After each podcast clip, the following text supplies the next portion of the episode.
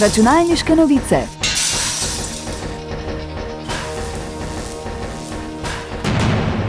Prisluhnite novostim in zanimivostim z področja računalništva.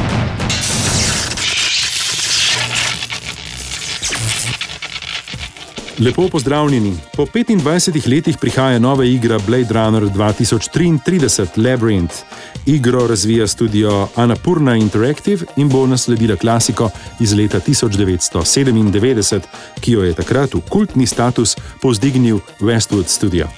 Manj znano pa je, da je predtem obstajala še ena igra Blade Runner in sicer na platformi Commodore 64 leta 1985.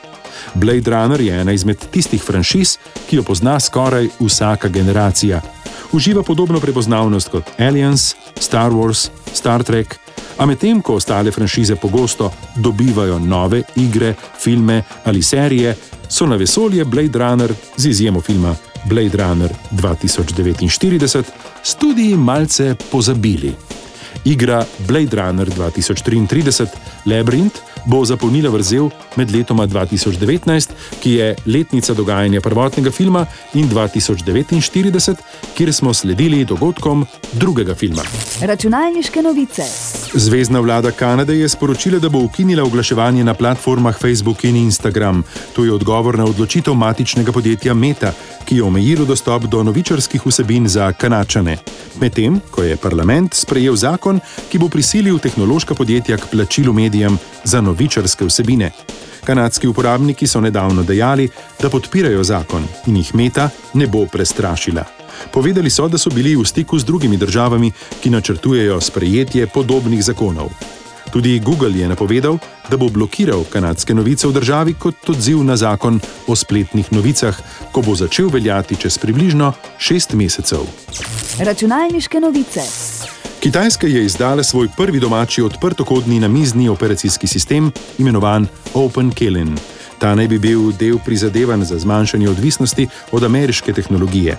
Kitajska različica temelji na obstoječem odprtokodnem operacijskem sistemu Linux.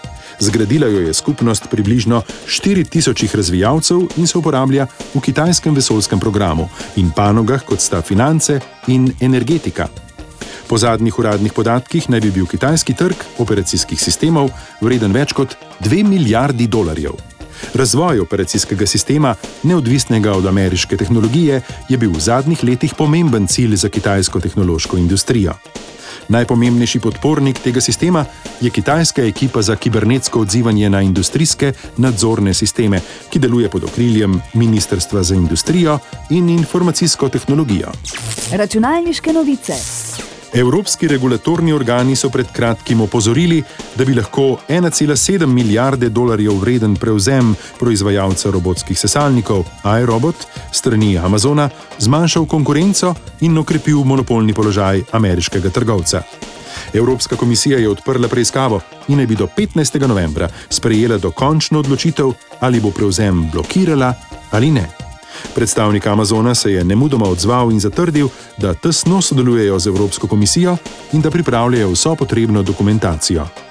Evropska komisija in ostali regulatorni organi po svetu so v zadnjem času močno pritisnili na največja tehnološka podjetja, ki pospešeno prevzemajo manjše, a močne konkurente.